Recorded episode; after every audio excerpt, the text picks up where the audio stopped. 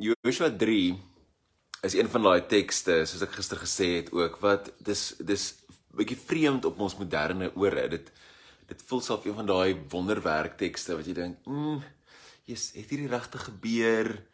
Uh, wat maak dit saak? Hoekom moet ons daarna luister? Moet ons hierdie stories ken?" Maar soos ek gister ook gesê het, sulke verhale, sulke amper mitiese verhale is verskriklik belangrik vir ons as mense en ehm um, vir ons geloof ook dit vertel iets nie net wat gebeur het nie. Dit, dit ons is geneig om die Bybel ehm um, na die Bybel te kom as 'n geskiedkundige boek in plaas daarvan as 'n ek meen dit is dit ook, maar as ook as 'n mitologiese en geloofsteks, reg? So hierdie storie van Joshua hulle wat deur en die volk wat deur die ehm um, Jordaanrivier getrek het, is hoogs simbolies. Dit is geskryf vir 'n volk wat in ballingskap was, wat ontwrig is, wat dit moeilik voorgegaan het, wat daar groot en scary gode rondom hulle was in Babylon en in Assirië en hulle gevoel het maar waar is die Here? Wat gaan aan? En toe het iemand gegaan en hierdie boek neergeskryf en gesê onthou hierdie is ons storie. Hierdie is ons God. En hierdie spesifieke verhaal is so mooi want dit die die God se ark gaan vooruit. Dit is nie dis nie soldate wat vooruit gaan nie. Dis nie ehm um, weermag wat uitgaan en krygswaans en goed nie. Dis die priesters in die ark. En die ark staan dan in die Jordaan en dit dam die water op. En daai simbool en dit vanoggend ook wakker word ek en ek weet nie hoe gaan dit in jou lewe nie, maar in ons lewe is nog steeds baie goed, baie onseker en ehm um, nog steeds baie goed in flaks die hele tyd. En dis moeilik. En hierdie storie het my so baie gehelp gister toe daardeur preek en nou vanoggend ek dit weer lees, net om te onthou maar dis wie God is. God is 'n God wat sorg, wat omgee, wat Jordaan opdam dinge doen in ons doodgewone te mekaar lewe met hierdie skerry gode, gode wat ehm um, ook in ons lewens is. So ek wil vanoggend net deur die teks lees weer 'n keer. Ek dink dit is goed om die teks ons op 'n Sondag te gebruik het dan weer in die week ehm um, aanhou te gebruik as 'n as as meditasie of as 'n geloofsgewoonte. Net om daarmee te sit so 'n bietjie. So ons doen 'n lectio op uh, Joshua 3 vers daar vers 14 tot 17, net die laaste gedeelte. En ek sê net bly deur dit. So Lectio is 'n ou manier van lees wat vier vier dele het. Lees, lees, bid, lees, oordink, bid en sit. so ons gaan net saam dit doen. So as die klokkie lui en dan gaan ek die teks twee keer deurlees en dan luister uit wat staan vir jou uit in die teks. Wat spring in jou hart in? Wat wat val vir jou op? En dan uh, hou net daai deel vas. So kom sit, maak jouself gemaklik waar ook al jy is en dan uh sit ons saam.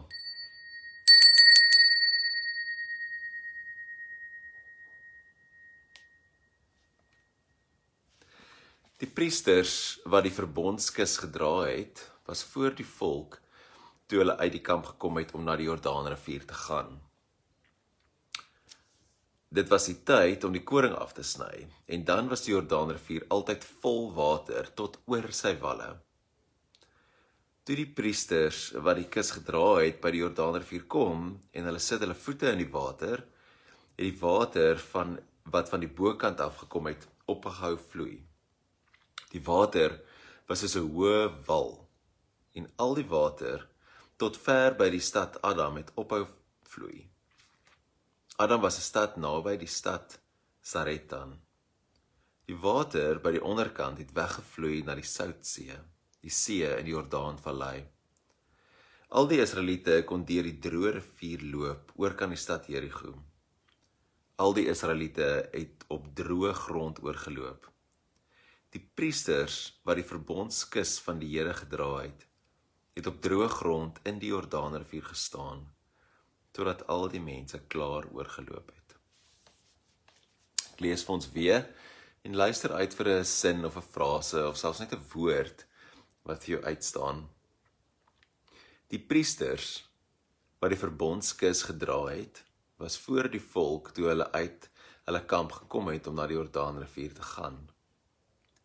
Dit was die tyd om die koring af te sny en dan was die Jordaanrivier altyd vol water tot oor sy walle. Toe die priesters wat die kus gedra het by die Jordaanrivier kom en hulle sit hulle voete in die water, het die water wat van die bokant gekom het, opgehou vloei. Die water was soos 'n hoë wal en al die water tot ver by die stad Adam het opgehou vloei. Adam was 'n stad naby die stad Saretta. Die water by die onderkant het weggevloei na die Soutsee, die see in die Jordaanvallei. Al die Israeliete kon deur die droë rivier loop oor kan die stad Jerigo. Al die Israeliete het op droë grond oorgeloop. Die priesters wat die verbondskus van die Here gedra het, het op droë grond in die Jordaanrivier gestaan totdat al die mense klaar oorgeloop het. Die volgende stap in lectio is wat ons noem meditatio of meditasie of om te oordink.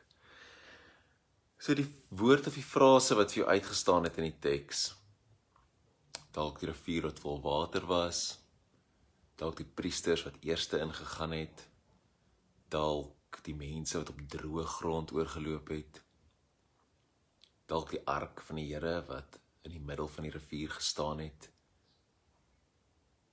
Wat so oomblik en dan dink jy, hoe pas hierdie teks in jou lewe in nou, vandag?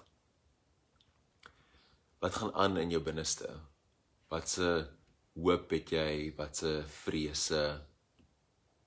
Wat is besig om aan te gaan in jou lewe? Hoe pas hierdie in soos 'n legkaartstukkie?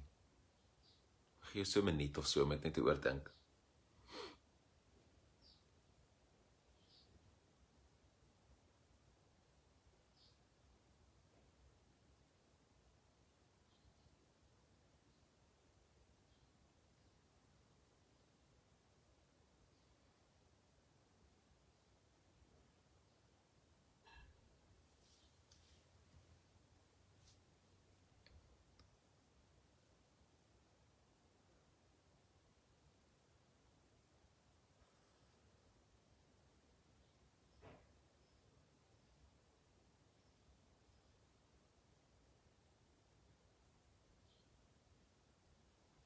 Dan die volgende stap in lectio is wat ons noem oratio wat beteken praat of bid.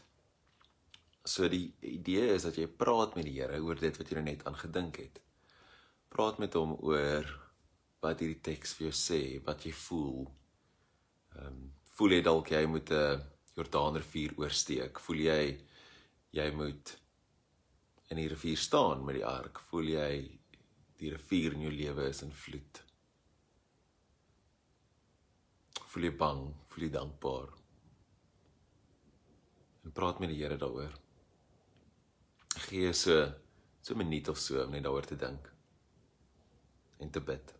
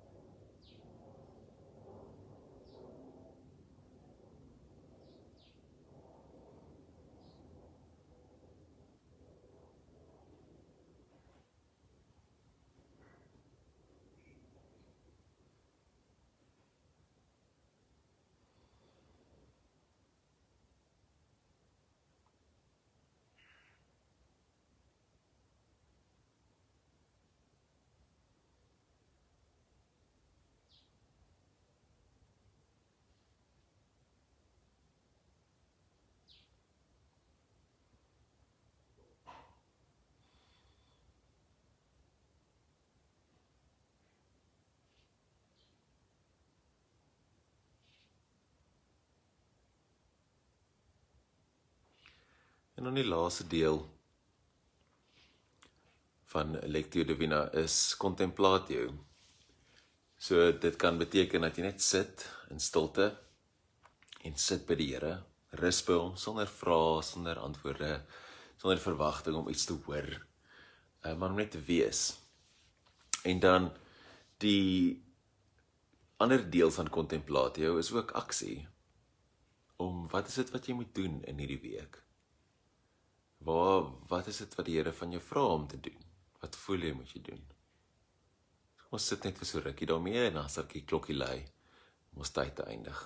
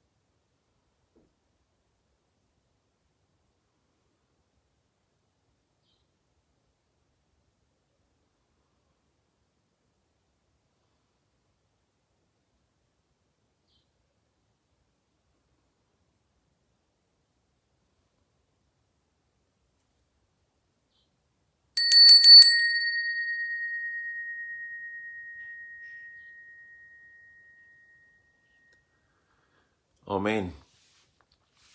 Mag jy hierdie teks, hierdie storie, hierdie verhaal in die res van jou week indra en uh, mag dit regtig vir jou vrede bring om te onthou dat die God wat die Jordaanrivier opgedam het ook jou God is. En die God wat sorg vir sy volk, sorg het vir sy volk ook jou God is. Een wat sorg vir jou waar ook al jy is in die wêreld en in jou lewe.